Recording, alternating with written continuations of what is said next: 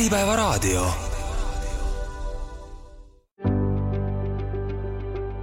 tervisetark.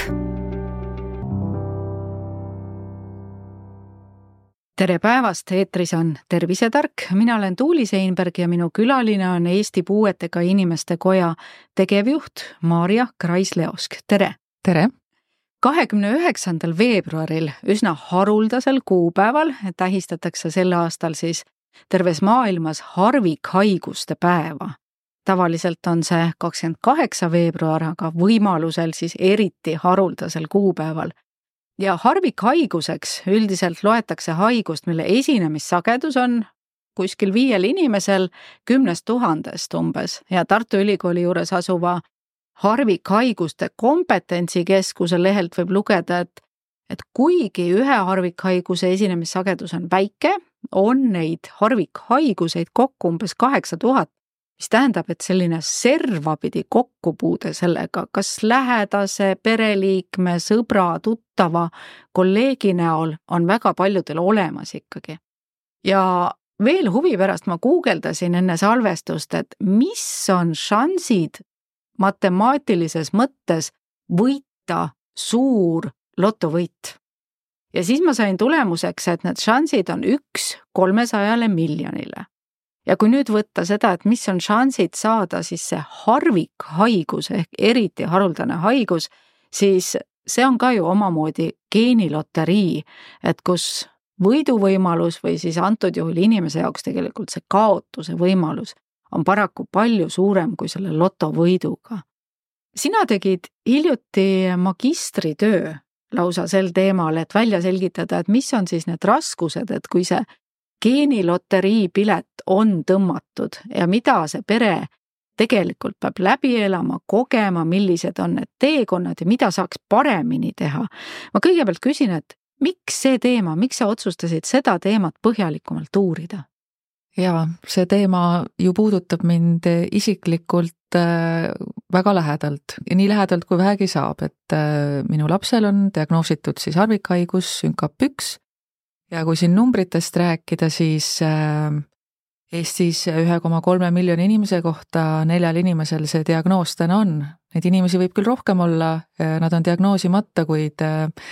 kuid ega see number ka väga palju suurem siiski ei ole.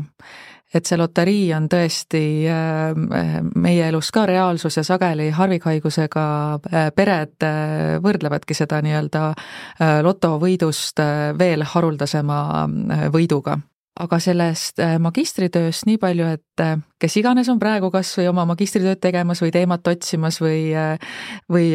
maadleb selle kirjutamisega, et kui sa kirjutad teemast, mis sind väga kõnetab, ja see päriselt ka, need lahendused ja see, mis sellest tööst välja tuleb, saab muuta midagi ühiskonnas, siis töö tuleb palju kiiremini ja ladusamalt, et omast kogemusest ütlen. ja, ja miks ikkagi just see teema, ma kirjutasin siis harvikhaigusega, raske sügava intellektipuudega lapsi kasvatavatest peredest, nende olukorrast, toimetulekust ja sellest, mida saaks paremini teha, oligi see, et ma, ma tajusin, et see on nii suur kasutamata ressurss, need pered, nende võimalused olla elurõõmsad, panustada ühiskonda, käia tööl, panustada majandusse ja nii edasi, et seda teemat tuleb tõstatada ja näidata, et seal on lahendused olemas, kuidas me neid kaasata saaksime. Enne kui me nende spetsiifiliste probleemide ja ka lahenduste juurde läheme, ma küsin veel seda, et kas sinu eeldused seda tööd alustades ja see, mis sealt küsitlustest välja tuli, ja välja koorus, kas see läks kokku või tuli ka sinu jaoks sealt üllatusi, mida sa ei uskunud, et asi on selline või selline? jaa, oli küll üllatavaid hetki ja no mõne korra isegi pidin äh, käed klaviatuurilt ära tõstma, ennast äh, koguma neid vastuseid lugedes, sest et äh, väga, väga kurb on lugeda seda, et kaks kolmandikku kõikidest vastajatest on püsivalt kurnatud ja magamata seda, et kõigest kümnendik vastajatest, kümnendik, äh, on siis inimesi, kes ütlevad, nad on tõesti, tunnevad elust rõõmu. ja veerand vastajatest ütles, nad ei tunne üldse elust rõõmu. Need on väga-väga murettekitavad äh, numbrid ja mul on väga hea meel, et inimesed olid nii avatud. Ja, ja tegelikult on ju need lahendused öö, olemas ka, parema toe ja teenuste ja ühiskonna suhtumise ja nii edasi, et need lahendused on tegelikult olemas ja selleks tulebki rääkida. räägime siis sellest lähemalt, et ähm, harvikhaigused mis need muudab tavalistest haigustest keerukamaks siis inimeste jaoks, et tõepoolest, nagu sa ütlesid, tagajärjeks on see äärmine kurnatus, elurõõmu kadumine, läbipõlemine tegelikult ju. tavaline haigus on ka raske ja vastik, on kroonilisi haigusi, mis on ravimatud või on noh, lihtsalt kuidagi kontrollitavad. harvikhaigus, mis on see spetsiifika? noh, siin on tegelikult ähm, noh, sa väga hästi tõid välja, et iga haigus on ju raske iga haigus on kurnav, iga haigus äh, võib olla ka väga murettekitav ja harvikhaiguse puhul on äh, siis äh, ekstra asi see, et ta on nii haruldane, et isegi sinu enda arst ja ka mitte ükski arst Eestis ei ole seda isegi varem kuulnud või kui ka kuulnud on, siis noh, ta ei saa olla sellel alal, alal spetsialiseerunud või omada niisuguseid eriteadmiseid. Äh, mis tähendabki seda, et äh, kui sa lähed äh, jälle siis arsti juurde või, või mõne terapeudi juurde või kuhugi haridussüsteemi, siis jälle sa hakkad täht-tähe haaval seda haigust välja ütlema ja siis kirjutatakse kuhugi klade ääre peale ja siis kirjutatakse ka valesti, sest et on nagu keerulised numbri ja tähe kombinatsioonid sageli. Et kindlasti see üksi jäetus ja üksi olemise tunne, et noh, isiklikust näitest ka, et et äh, lõpuks, kui me selle diagnoosi siis saime, äh, siis meil, meil ei olnud sellega nagu mitte midagi siin Eestis teha, et eestikeelset informatsiooni null, esimene inimene Eestis selle diagnoosiga. Ja siis äh, jah, välismaailmast jah, rahvusvahelistest dokumentidest siis sain infot. Kui sa juba diagnoosimist mainisid, siis ilmselgelt ongi üks asi, kõige esimene asi üldse raskuste teekonnal siis äh, diagnoosini jõudmine, see esimene vaheetapp, et äh, kui palju on siin seda kahtlemist, erinevate spetsialistide vahet käimist, äh, noh, kuna sa ka mainisid, et osad haigused on nii harvad, et ei ole meie arstidel ka seda kogemust, et sellist patsienti ei olda nähtudki, ei tulda selle peale, võib-olla öeldakse täiskasvanumale või, või noorukile, et no ma ei tea, et sa mõtled ise välja endale asju mm. -hmm. et mis on need diagnoosimise teekonna keerukused? ma tegin just hiljuti ühe aegrea nii-öelda siis enda lapse diagnoosi teekonnast ja see aegrida oli kaks ja pool aastat pikk. ehk et äh, väga pikk aeg. nii pika aja positiivne pool on muidugi see, et sa jõuad juba sisemise rahu teha ja teatud määral leppida äh,. ehk et nii-öelda diagnoosi saamine ei paiska sind kuhugi äh, musta auku kuid äh, praegu, ütleme mõned aastad ikkagi hiljem, äh, käib ka diagnoosimine oluliselt äh, kiiremini. ja mis on Eestis ikkagi väga positiivne, on see, et kui kiiresti jõutakse nii-öelda testimisele, et kui mujal maailmas see võib aastaid aega võtta, ta võib võtta väga palju raha, ta võib võtta raha ka nii, et inimesed peavad laenu võtma, et saada geneetilise, geneetilise testimiseni siis Eestis ikkagi, kui see on näidustatud, siis äh, pere ja inimese jaoks on see väga selline äh, ladus ja toimiv süsteem, see, mis peale seda tuleb, äh, see, siis läheb keeruliseks, aga, aga see osa tõesti nagu, nagu väga paigas ja ja ka selle oma lapse diagnoosi puhul kuna meil on väga tubli rahvusvaheline katusorganisatsioon, kes siis kogub ka statistikat äh, ülemaailmselt, siis äh, on ka minult äh, küsitud korduvalt erinevatest riikidest, et mis teil seal toimub, kuidas te nagu nii hästi diagnoosite, et kui me oleme samal pulgal suurte riikidega, meist vähem on diagnoositud riiki, riikides, mis meile, meist on kordades suuremad. et see vastus on tegelikult, väga hästi toimiv ja kättesaadav süsteem, sealhulgas eks ju taskukohane ja ka ikkagi noh, nii palju vähe ajakulukas kui, kui võimalik. Vahemärkusena siia, et see geneetilise testimise pool on eeskätt oluline ka seetõttu, et suur osa harvikhaigustest ongi geneetilist päritolu. just, just, et on äh, ka siis äh, kasvajalisi, on keskkonnatekkelisi, äh, aga valdav enamus on geneetilised. Ja sealjuures noh, jälle, mida mina ei teadnud varasemalt, nüüd olen ennast ikkagi harinud ka et väga paljud haigused, nad on küll geneetilised, kuid nad ei ole tegelikult kummaltki vanemalt päritud, ehk et see on siis isetekkeline geenimuutus ja meil kõigil, me kõik sünnime niimoodi, et meil on mingid geenid rikkega ja see on jumala okei okay., aga siis, kui juhtub see, et nagu siis sünkab üks geen, mis on sinul ja minul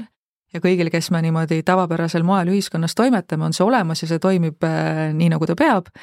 siis nendel lastel, täiskasvanutel, eakatel, kellel on see sündroom, siis nendel see nii ei toimi. ja see on äh, reeglina siis mitte päritud äh, geenirike, vaid see on isetekkeline muutus, nii et see annab sellele lotovõidu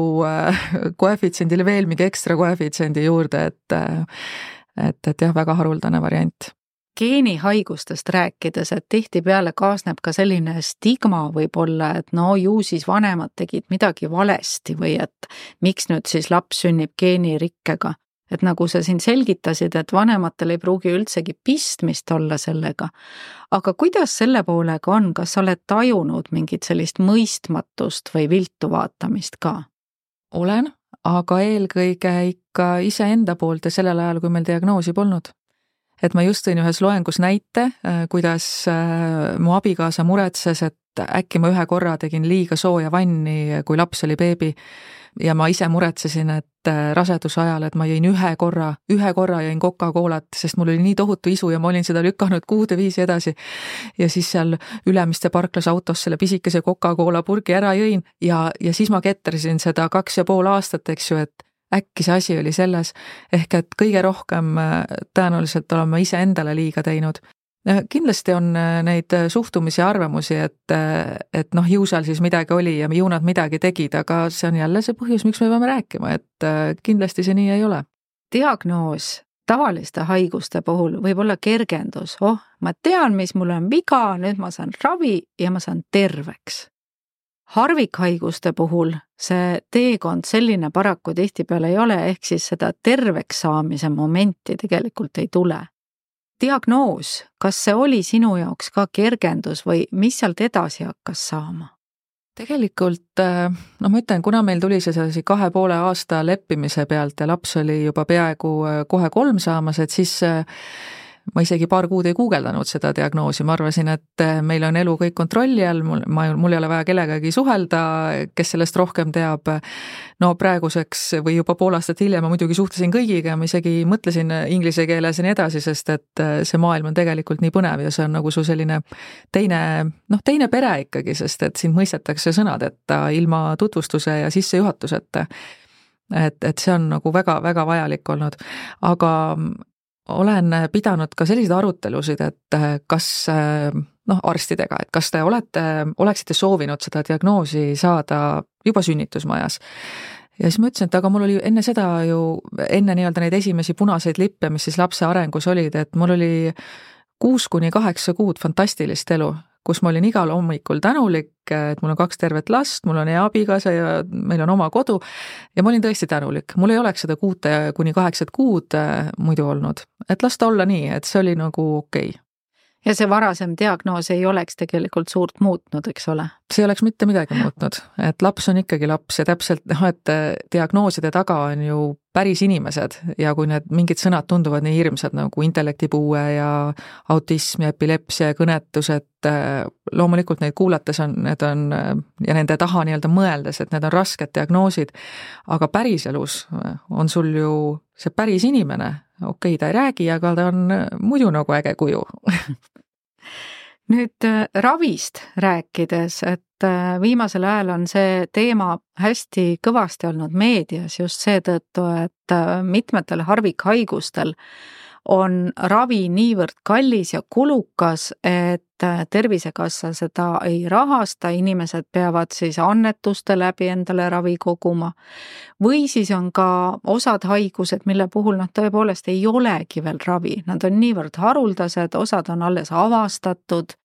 Ja, või siis on see ravi kuidagi ebapiisav või, või kättesaamatu, kas siis riigile või konkreetselt perele mis siin need äh, võimalused oleks sinu kogemuses? jaa, väga hea teema ja kindlasti teema, mis ei kuku mitte kuskilt mitte kuhugi, et kui vaja, räägime järgmine aasta täpselt samal ajal täpselt sama juttu ja nii aastast aastasse, et äh, ka siin peab nii-öelda tulema see muutus. sealhulgas ka suhtumise muutus, et ma ise tahaksin väga näha ka riigi nägemust sellest, et äh, kui me praegu selliste hindadega ei saa, siis kuidas me saame, et millised on need sammud, mida siis tehakse selleks, et me päriselt jõuaksime selleni, et ühel hetkel on ka harvikravimid nii-öelda ka väärikalt kättesaadavad, mitte nii, et äh, tuleb minna siin juba esimesed näited, kus minnakse kohtusse ja see on fantastiline, et minnakse, seda tulebki teha, patsiendid äh, peavad enda õiguste eest seisma ja nii-öelda rõhuda nagu meie ühtsele äh, rahakotile, siis see ei ole, see ei ole adekvaatne, see ei ole aus, et ravi, ravim tõestatud toimega on olemas, mis mõjutab inimese elu oluliselt, sealhulgas pikendab tema elu.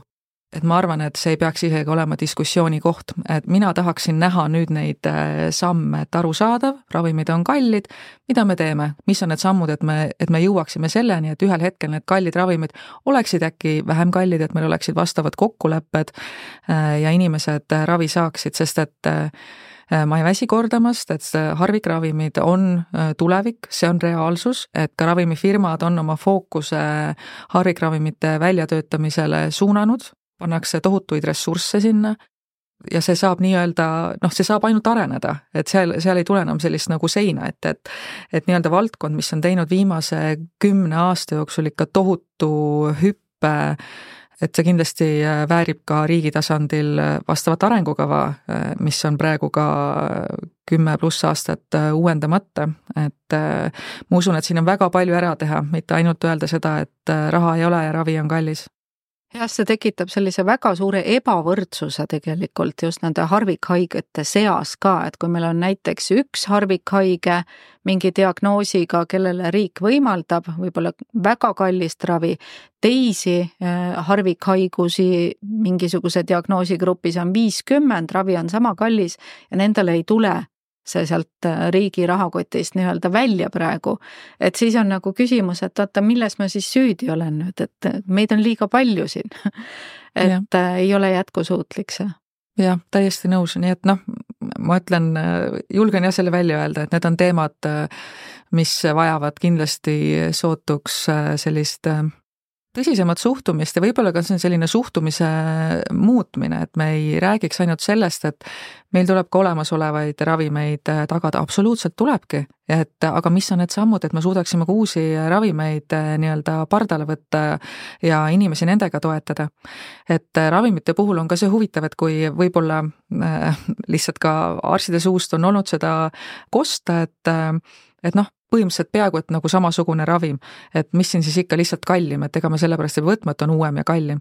et tegelikult äh, tuleb vaadata ikkagi äh, väga erinevaid aspekte, et mis äh, sellel ravimil inimese elule on. et meil on ravimid, mis võib-olla põhjustavad näiteks uriinipidamatust, mis, mis on väga oluline elukvaliteedi langus, mis põhjustavad seksuaalelu häired, mis on väga oluline elukvaliteedi langus ja kui sa saad teistsugust ravimit, siis on ka elukvaliteet hoopis teine, sinu töövõime on teine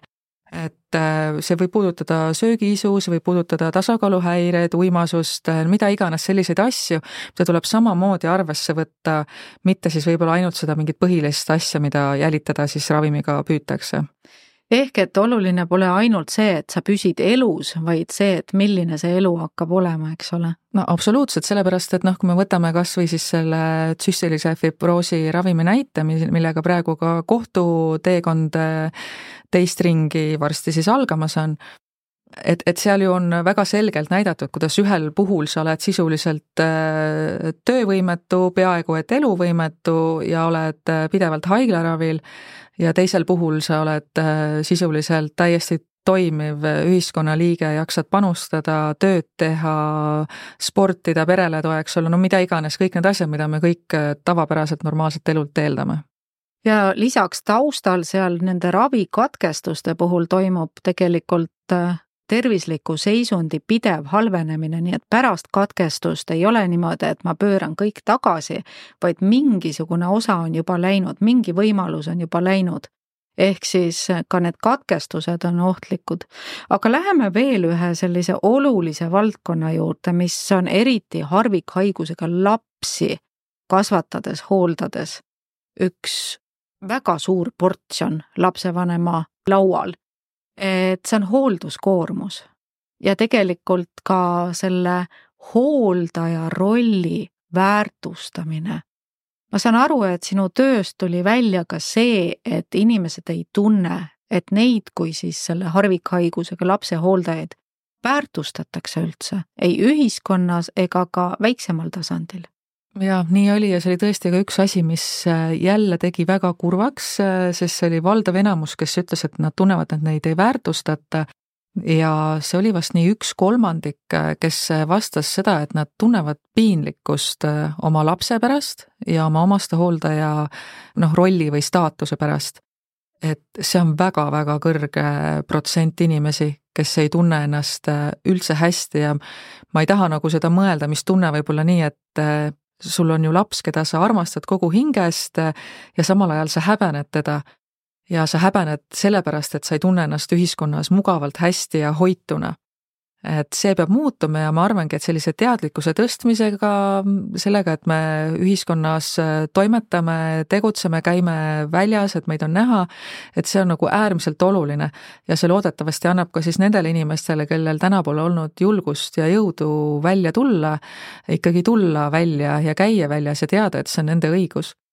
et äh, noh, tõsiasi on tõesti see, et inimesed peavad päris palju, äh, nagu ma ütlesin, et diagnoosi saamine võib tulla kergesti, aga see, mis peale seda on siis kõik need vajalikud äh, teenused, toetused, no haridussüsteem, väga keeruline. et, et seal hakkab siis see õige võitlus pihta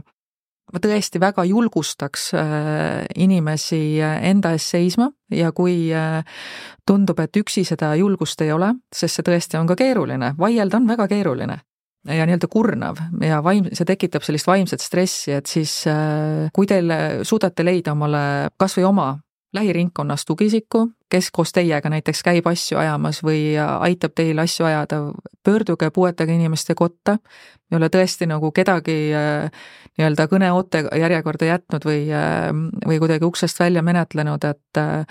küsige nõu, et teil on õigused ja mulle tundub, et järjest enam inimestel tekibki see, et nad teavad oma õiguseid ja nad hakkavad julgema nende eest seista, nad hakkavad julgema küsida, et mul on õigus sellele teenusele, mul, ma tahan tööl käia, ma ei pea olema kodus, et kahjuks ka aastal kaks tuhat kakskümmend neli ja veel siinsamas hiljutistel nädalatel on eh, ka koosolekutel, kus ma ise olen viibinud, öeldud välja, et eh, selliste diagnoosidega laste vanemad peaksid kodus äh, olema nende lastega. et absoluutselt ei, see aeg on väga-väga möödas, kus äh, niimoodi suhtuti ja niimoodi oli, et selli-, keeruliste diagnoosidega laste vanematel peab olema see võimalus lastega kodus olla, kui nad soovivad neid ise hooldada, aga neil eelkõige peab olema võimalus käia tööl, teenida elatist, olla kasulik äh, kodanik ja seeläbi ka siis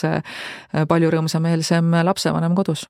ehk ikkagi eneseteostuse võimalus peab olema ka nendel peredel ja vanematel. absoluutselt.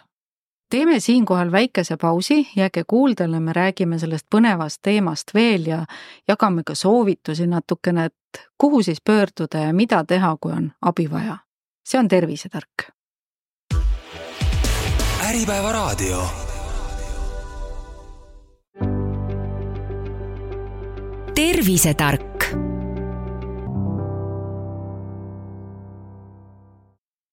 tere tulemast tagasi kuulama Tervisetarka, mina olen Tuuli Seinberg ja stuudios on veel Eesti Puuetega Inimeste Koja tegevjuht Maarja Krais-Leosk. ja kahekümne üheksandal veebruaril toimuva harvikhaiguste päeva auks räägime me samuti sel teemal, me räägime harvikhaigustest ja eeskätt siis harvikhaigusega inimese perede toimetulekust, soovitustest ja soovidest ja probleemidest. me lõpetasime saate selle sellise väärtustamise ja hoolduskoormuse teemadel. aga ma palun, et sa tooksid ühe näite ka, et mis siis tõstab seda hoolduskoormust, kui peres on näiteks harvikhaigusega laps. et äh, tavalise gripihaige lapse vanemad mõtlevad, et no mis seal on siis, et kraadin ära, annan palaviku alandajat ja ongi kõik ju, mis seal hooldada väga hea küsimus, Tuuli, et äh, nii hea teema tõstatus. kõige lihtsam on äh, öelda seda, et äh, või tuua see näide, et noh, oma lapse pinnalt, aga neid lapsi on siis teisi, mina saan lihtsalt oma lapse pinnalt rääkida. et kui sa oled oma lapsele käteks, jah, käed on, jalad on ka, aga need käed äh, selle haiguse tulemusel ei saa siis seda infot äh, ajust kätte, mida nad tegema peavad või mida nad peaksid tegema selleks, et saada lukk lahti. et see on aastatepikkuse töö tulemus, kui siis laps saab luku lahti näiteks. et ja samamoodi sa oled oma lapse hääleks et nii käteks kui hääleks, sest et äh, kõnetus või ka siis, kui lapsel on mõningad, mõningaid sõnu, kuid see ei ole siiski piisav, et enda eest seista, oma vajadusi äh, piisavalt äh, arusaadavalt väljendada, siis sa oled ka hääleks. Ja rääkida selleks, et sellest, et me oleme oma lapse jalgadeks, väga paljud lapsevanemad. Ja, ja kõik see, mis selle kõigega kaasneb, et kui sa võtad oma jala, lapselt ära nii-öelda selle, et ta saab liikuda iseseisvalt, ta saab äh, kätega tegutseda iseseisvalt, kõige lihtsamaid asju, kõige lihtsamaid asju, olgu need jalatsite jalga panemised äh,, hammaste pesu, et, et mis iganes igapäevased tavalised asjad, minu käed on tema käed, tema hääl on tegelikult ju minu hääl. Jalgadega sama lugu ja kogu see tema eest kõnelemine ja tema eest seismine, pluss siis see noh, nii-öelda mentaalne pool, mis juurde tuleb, et Äh, sinu laps või siis ka noh, täisealine laps, ähm, ta ei saa äh, väljendada, milline oli tema päev või mis talle muret tegi, et äh, see peab olema tohutu usaldus, mis sul on nende inimeste suhtes, kes siis koolipäeval või siis kuskil hoiuteenusel olles või päevakeskuse teenusel olles kes siis temaga sel ajal koos on. et, et need inimesed ju ei tule, ma mõtlen siis haigusega inimesed koju ja ei räägi, vaata, et täna kuidagi see oli nagu valesti, et et see mulle päris ei meeldinud, et see on väga suur usalduse küsimus ja, ja selles mõttes ma nagu mõistan neid lapsevanemaid, kes on siis äh, oma last äh, hooldanud äh, tänaseks võib-olla kolmkümmend, nelikümmend aastat ja nad ei ole valmis neid kuhugi teenuse osutaja juurde laskma, sest et see hirm on väga suur ja eks neid juhtumeid ole ka hiljuti olnud, mida ei saa kuidagi normaalseks pidada et äh, siin see nii-öelda harimise pool on ka äh, teenuseosutajate ja teenust osutavate inimeste mm, osas väga oluline.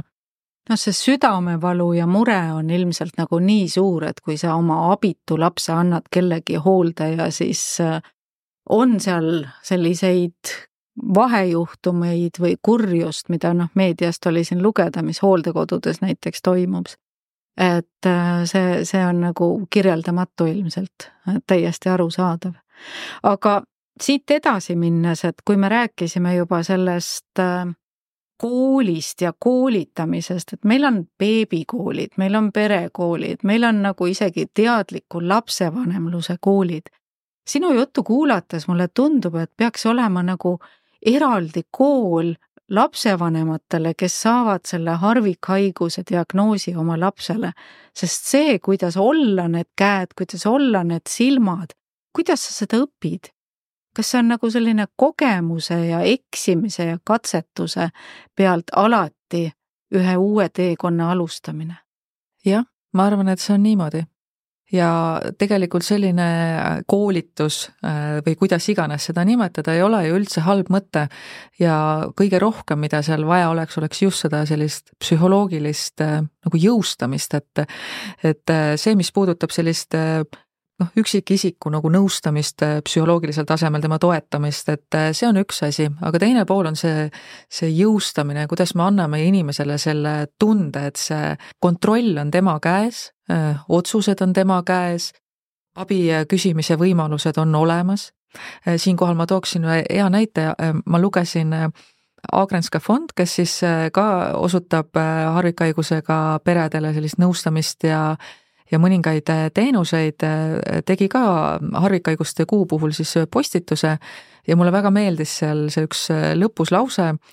ravi küll ei ole paljudele haigustele, aga tuge ja mõistmist me saame ikka pakkuda. et, et kuidagi nagu nii positiivsesse võtmesse on keeratud see raske olukord, kus kaheksa tuhandest haigusest ravi on võib-olla täna viiele protsendile haigustest, aga see ei tähenda seda, et maailm on otsas, et sind ei mõistetaks, et ei oleks tuge, et noh, selline jõustav element võiks selle koolituse juures olla küll räägimegi siis sellest jõustamisest lähemalt, et ka sinu magistritöös, mida me põgusalt siin saate esimeses pooles puudutasime, oli see jõustamine just välja toodud, sest et üks asi on rääkida probleemidest, jah, meil on palju probleeme, aga teine asi on see, et mis me siis saame ära teha. Ja sul oli välja toodud seal erinevatel tasanditel neid jõustamise momente, just hästi palju. ja üks tasand oli näiteks kohalike omavalitsuste tasand, kus tegelikult ongi ju see, kus me kõik elame, see on, see on meie nii-öelda huud, meie mm, -hmm. meie naabrus. et mis on sinu ettepanekud, et mis seal võiks teistmoodi teha kui praegu? Jaa, tõesti selle äh, jõustumise puhul tõin välja selle, et see on hästi selline mitmetasandiline, mitmesuunaline ja et me, kui me seda tähelepanu ja ressursse, noh, meil tulebki neid jagada nii nendele inimestele, kes seda vajavad, aga ka avalikule sektorile, kogukonnale, et vähe abi, kui me seda inimest siin tohutult jõustame, aga näiteks teenused ja ühiskonna suhtumine järgi ei tule, siis on sellest jõustamisest vähe abi. Ja samamoodi on vähe abi, kui me paneme ressursse ainult siis teenuste arendamisele. Ja samal ajal meil tekib inimene, kes enda eest seista ei, ei oska, oma vajadusi väljendada ei oska, oma lähedase elu ka korraldada ei tea, et ikka mõlemale, mõlemale poolele ja suunale ja kogukondadele samamoodi ja kohalikul tasandil jah, nii naljakas kui see ka pole, eks ju, et kui meid äh, põhimõtteliselt mingid äh, sotsiaal- või haridusküsimused äh, väga tõsiselt ei puuduta, siis noh, me nagu ei tajugi seda kohalikku omavalitsust seal enda ümber, kes ju tegelikult meie elu pidevalt korraldab, et põleks, ma ei tea, meil lambid ja teed oleks hooldatud ja prügi oleks veetud ja õige suurusega majad oleksid õiges kohas ja nii edasi. et, et sotsiaali puhul tõesti see on valdkond, mis vajab kindlasti veel ressurssi ja arendamist. Et ma arvan, et järjest paremini tehakse, aga nüüd siin ähm, sellise ähm, majanduses nagu keerukamate aegade valguses on ka noh, puuetega inimeste kotta väga palju jõudnud selliseid signaale, kus äh, seda kärpimist äh, sageli ka alustatakse sotsiaalist, et vaadatakse, et kus sealt ikka saaks äh, nii-öelda kokku tõmmata ja et meil on ju perekonnaseadus ja, ja pere hoidku, hooldagu ja tagagu, et, et tegelikult ma noh, ma tõesti panen seda väga südamele, et vaadata seda pilti ikkagi laiemalt, et võttes ära sotsiaalist, kaotate te kohe ka äh, häid, häid töökäsi, häid tulevasi töökäsi ja samamoodi juba nagu omandatud äh, oskuseid näiteks äh, nende mm, erivajadusega inimeste puhul, kes siis jäävad äh, ilma mingist teenusest ja selle võrra siis vajavad jälle rohkem abi, et et see ei ole nagu nii ühekülgne ja, ja noh, ma tahaks seda ka öelda, et sotsiaalvaldkond ei ole kindlasti ainult nii-öelda noh, nagu on öeldud, et nagu must auk on ju, et äh, paned äh, raha sisse, tagasi midagi ei tule. see tuleb tagasi küll, aga ta tuleb, äh, väljendub teistes sektorites, et et, et kui sa sinna raha ei pane, siis ei jõua ka tööturule häid inimesi, ei jõua ähm, nende näiteks harvikhaigete perede nii-öelda terved lapsed, siis ei pruugi haridussüsteemis ennast nii hästi tunda ja nii kaugele jõuda rääkimata seal huviharidusest ja nii edasi et kui me seda nagu äh, toetame, siis meil kokkuvõttes on ju hulgaliselt ähm, rohkem äh, hästi toimivaid äh, peresid ja kodanikke natuke nagu doominoefekt tekib seal seda sotsiaalsfääri nii-öelda nõrgestades või surkides, mulle tundub. jah, väga õige. kuidas on hariduse ja koolide ja, ja siis sellise mm, päevakeskuste teraapiate tagamisega kohalikes omavalitsustes. kas äh, see võiks olla ka kuidagi paremini võib-olla ühtlustatud, sest on siiski Eestis omavalitsusi, kus asjad on paremini kui teistes, kus ka ilmselt raha on rohkem kui teistes. ja on omavalitsusi, mis siplevad raskustes, pehmelt öeldes. jaa, no mis puudutab haridust, siis jah, et äh, et meil on ju Eestis nii-öelda erikoole ja ma ei ütle ka, et neid ühtegi olla ei tohiks, et see on jälle nii-öelda see mitmekesisus, et kellele mis sobib ja kellele sobib õpilaskodudega, et noh, ma arvan, et see valdav suund on siiski see, et laps peaks haridust saama oma kodukoha lähedal ja elades äh, oma kodus. ja, ja ma näen äh, lapsevanemate pealt, kuidas on tohutu pinge alates sellest hetkest, kui nad võib-olla selle diagnoosi saavad, olgu laps aastane või kolmene, hakkab kohe see pinge, mis saab siis, kui tuleb kool et nii ka minul. Ja ma võin täiesti raadioeetris välja öelda, et äh, Jüri gümnaasiumis on äh, parim hooldusklass parima personaliga, et äh, kõik on võimalik ja mitte kunagi varem seda klassi ei ole ju ähm, olnud ühe suure gümnaasiumi küljes Rae vallas, et, et väga-väga äge alga-, algatus ja noh, ma siin julgustaks kohalikke omavalitsusi kindlasti mõtlema nagu kastist väljas.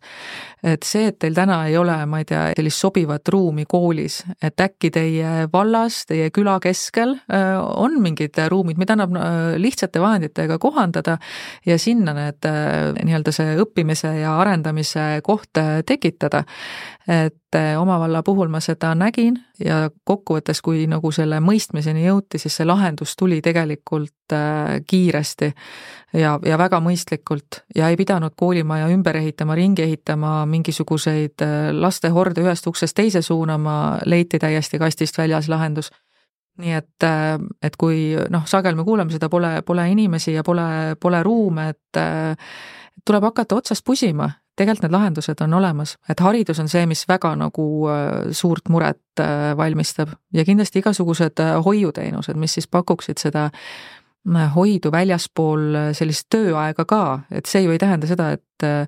harvikhaigustega laste vanemad äh, kõik õhtud ja nädalavahetused muudkui nagu tahavad äh, ilma oma lapseta ringi toimetada ja möllata, et ei, et seal on mingid äh, võib-olla mõni päev kuus, kus on nädalavahetusel seda abi vaja või siis mõned õhtud kuus, et et ka sedasi hästi paindlikult seda vaadata, et kes kui palju vajab, aga et toetame ka neid, kes seda vajavad vähe, aga nad siis, las nad siis saavad vähe, kui nad on muus osas võimelised ise nagu toime tulema ja see sobib neile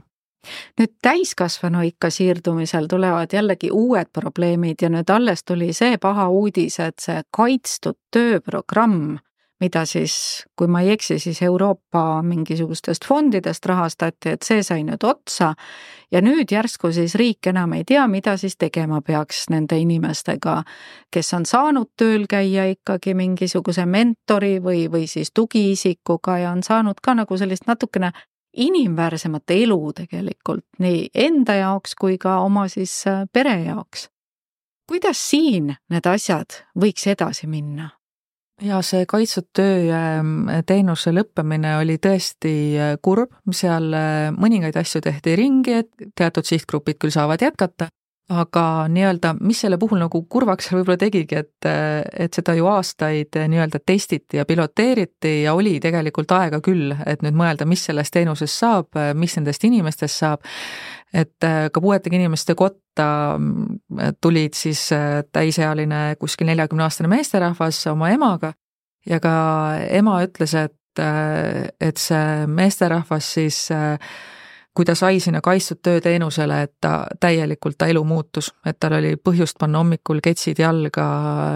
see seltskond, kuhu ta siis läks, et ta tegi mõtestatud tegevust, et et ja ta oli väga uhke selle üle, et ta ka panustab, et, et need tegelikult on reaalsed noh, päriselu juhtumid, eks ju, kus siis tegelikult kogu ülejäänud pere saab paremini toimida ja nad tunnevad ennast osana ja noh, ma loodan, et äh, ikkagi lähiajal äh, jõutakse ka selliste lahendusteni, mis pakuvad ikkagi töist äh, mõtestatud vajalikku tegevust kõikidele, kes seda vajavad. kõikidest nendest teemadest, mis me oleme siin põgusalt puudutanud, mulle tundub, kõlab läbi selline pikema plaani ja järjekindla plaani puudumine, et proovitakse panna plaastreid natukene, et kõige põletavam probleem on siin, paneme siia plaastri peale, natukene peab ja siis tegeleme teiste nagu selliste põletavate probleemidega. aga nende inimeste eluiga võib olla ju päris pikk ja sellised katkestused äh, tekitavad väga palju pahandust siin, mulle tundub. jaa, absoluutselt, et, et selles suhtes selline äh, no ka ministeeriumide vahel, eks ju, oma vastutusvaldkondades käib see nii-öelda raha nagu nuiamine, et olen ka ise ministeeriumis töötanud ja olen ka ise seda raha oma valdkonda nuianud nii-öelda ja olnud väga kurb, kui seda raha ei tule, et et kindlasti sellise pika plaani paikapanemine, et, et noh, et mis, mis meie nägemus siis on, et, et nii nagu sa ütlesid, eks ju, et, et siis hakkavad nagu muutused toimuma, kui lapsest saab täiskasvanu, et siis ta järsku enam ei ole nii nunnu ja nii, nii nagu, et nagu lihtsasti abistamise objektiks saav, et, et siis kuidagi on see nagu palju raskemini tuleb, et või toetamine üleüldiselt et, et siin me kindlasti äh, ka lapsevanematega noh, oleme, räägimegi seda, et sel hetkel, kui sa saad lapse kooli, siis tegelikult sa hakkad juba plaani pidama, et äh, okei okay,, kui ta on seitseteist ja kaheksateist, et äh, kus on nüüd see järgmine koht, kuhu ta läheb, mis me selleks tegema peaks, et selline koht oleks olemas, et see on nagu tõesti jah, reaalsus. aga nüüd enne, kui me lõpetame, räägime ka üksikisiku tasandist. mida sa ootaksid kaaskondlastelt, kolleegidelt, sõpradelt, pereliikmetelt näiteks. kuidas meie kõik saaksime toetada harvikhaigusega peret, seda last, vanemaid, seda kogukonda, mida me saaks teha? väga hea küsimus jälle, et hea meelega vastan sellele ka ja võib-olla just tulles sellisest äh, ühelt külaskäigult, äh, kus siis äh, pere ütleski, et et, et meie nagu vanemad ja meie lähedased äh, mitte, et nad ei hooliks, aga nad mitte kunagi ei küsi nagu selle haigusega seonduvalt ja meie ise ei taha nagu ka rääkida, et äkki me oleme siis tüütud, et nüüd hakkame siin oma haigusest jälle jahvatama. et äh, võib-olla see, et, äh, et olge avatud, nii need inimesed, kes siis on selle harvikhaigusega lapse või täiskasvanu see lähiring, aga siis see järgmine ring samamoodi, et et, et tundke huvi, et rääkige, et küsige, kuidas teil läheb, et mida te nüüd mida põnevat olete teinud, et äh, ei pea küsima, mida uut te nüüd siis oskate, et võib-olla need oskused ongi väga limiteeritud ja ja neid ei tulegi, aga lihtsalt mida, mida toredat olete teinud, et et sellised ülimalt lihtsad asjad, et need ei ole sellised, et äh, viige mind kalli raha eest kuhugi kallisse kohta ja siis osutage mulle kalli raha eest siis seda teenust ka veel seal kohas. et see ei ole see, see on see kõige lihtsam inimeseks äh, olemine no ma ei tea, mul oli viimane kord isegi hea tuju, kui äh, nii-öelda garderoobitädi oli väga nagu heas tujus ja väga positiivne ja võttis meie joped sellise mõnusa kerge huumoriga vastu, kui et siis keegi seal teeb mõh ja näh ja ei ütle midagi, need on nagu üliväikesed asjad, kus me nagu pihta hakkame. Või, või kui keegi, ma ei tea, aitab midagi poes, ta näeb, et sa oled hädas ja laps on, sul on veel laps hallata, ta aitab ülemiselt riiulit midagi, et noh, lihtsalt ärme nagu silmad maas ringi käi ja, ja noh, vaatame avatud pilguga. ehk siis selline, selline tunne, et sa oled nähtud ja sind nähakse. et Äh, kuulajatele siis vaatame ringi ja, ja näeme tõepoolest neid inimesi enda ümber, kes äh, võib-olla vajavad abi, võib-olla ei vajagi abi, aga nad tahavad märkamist ja nad tahavad seda, et nad on nähtud ja kuuldud. Aga lõpetuseks Eesti Puuetega Inimeste Kojas, mida on tulekul, mida sa tahaksid öelda kuulajatele, kes tunnevad võib-olla huvi just harvikhaigustega inimeste parema toimetuleku vastu? Jaa, praegu on tõesti hea koht öelda, et kahekümne üheksandal veebruaril, siis kui harvikhaiguste päev päriselt ongi, üle terve maailma seda tähistatakse, siis äh, toimub meil äh, koostöös Harvikhaiguste Kompetentsikeskuse, Lastefondiga, mitmete teiste partneritega konverents, mida kõik on oodatud siis äh, veebi vahendusel jälgima, et täpsemat infot saab nii Harvikhaiguste Kompetentsikeskuse kodulehelt kui ka Eesti Puuetega Inimeste Äh, koja kodulehelt. ja keda veel huvitavad ähm, sellised ähm, teemad, kuidas ühiskonnas paremini kaasas olla ja mida siis ise võib-olla teha ja et lihtsalt laiemalt äh, silmaringi harida ja mõelda, et siis äh, kahekümnendal veebruaril on meil ligipääsetavuse selline sprindipäev, oleme teinud väga tiheda programmiga päeva ja kohapealsed kohad on meil küll juba täis, aga nagu äh, kojas ikka, meil on alati äh, ka otseülekanne, et inimesed saaksid veebi vahendusel samamoodi osa sellest. et siis äh, see info on ka meil kodulehel olemas ja, ja mul isegi endal on väga põnev seda päevakava vaadata, nii et usun, et keda ligipääsetavuse teemad ühiskonnas kõikide kaasamine huvitab, et see võiks olla põnev mm, jälgimine ja kuulamine aitäh, Maarja, selle info eest, et kõik see teadmine on nüüd ka kuulajatele ligipääsetavam ja head märkamist ja toetamist. see oli Tervisetark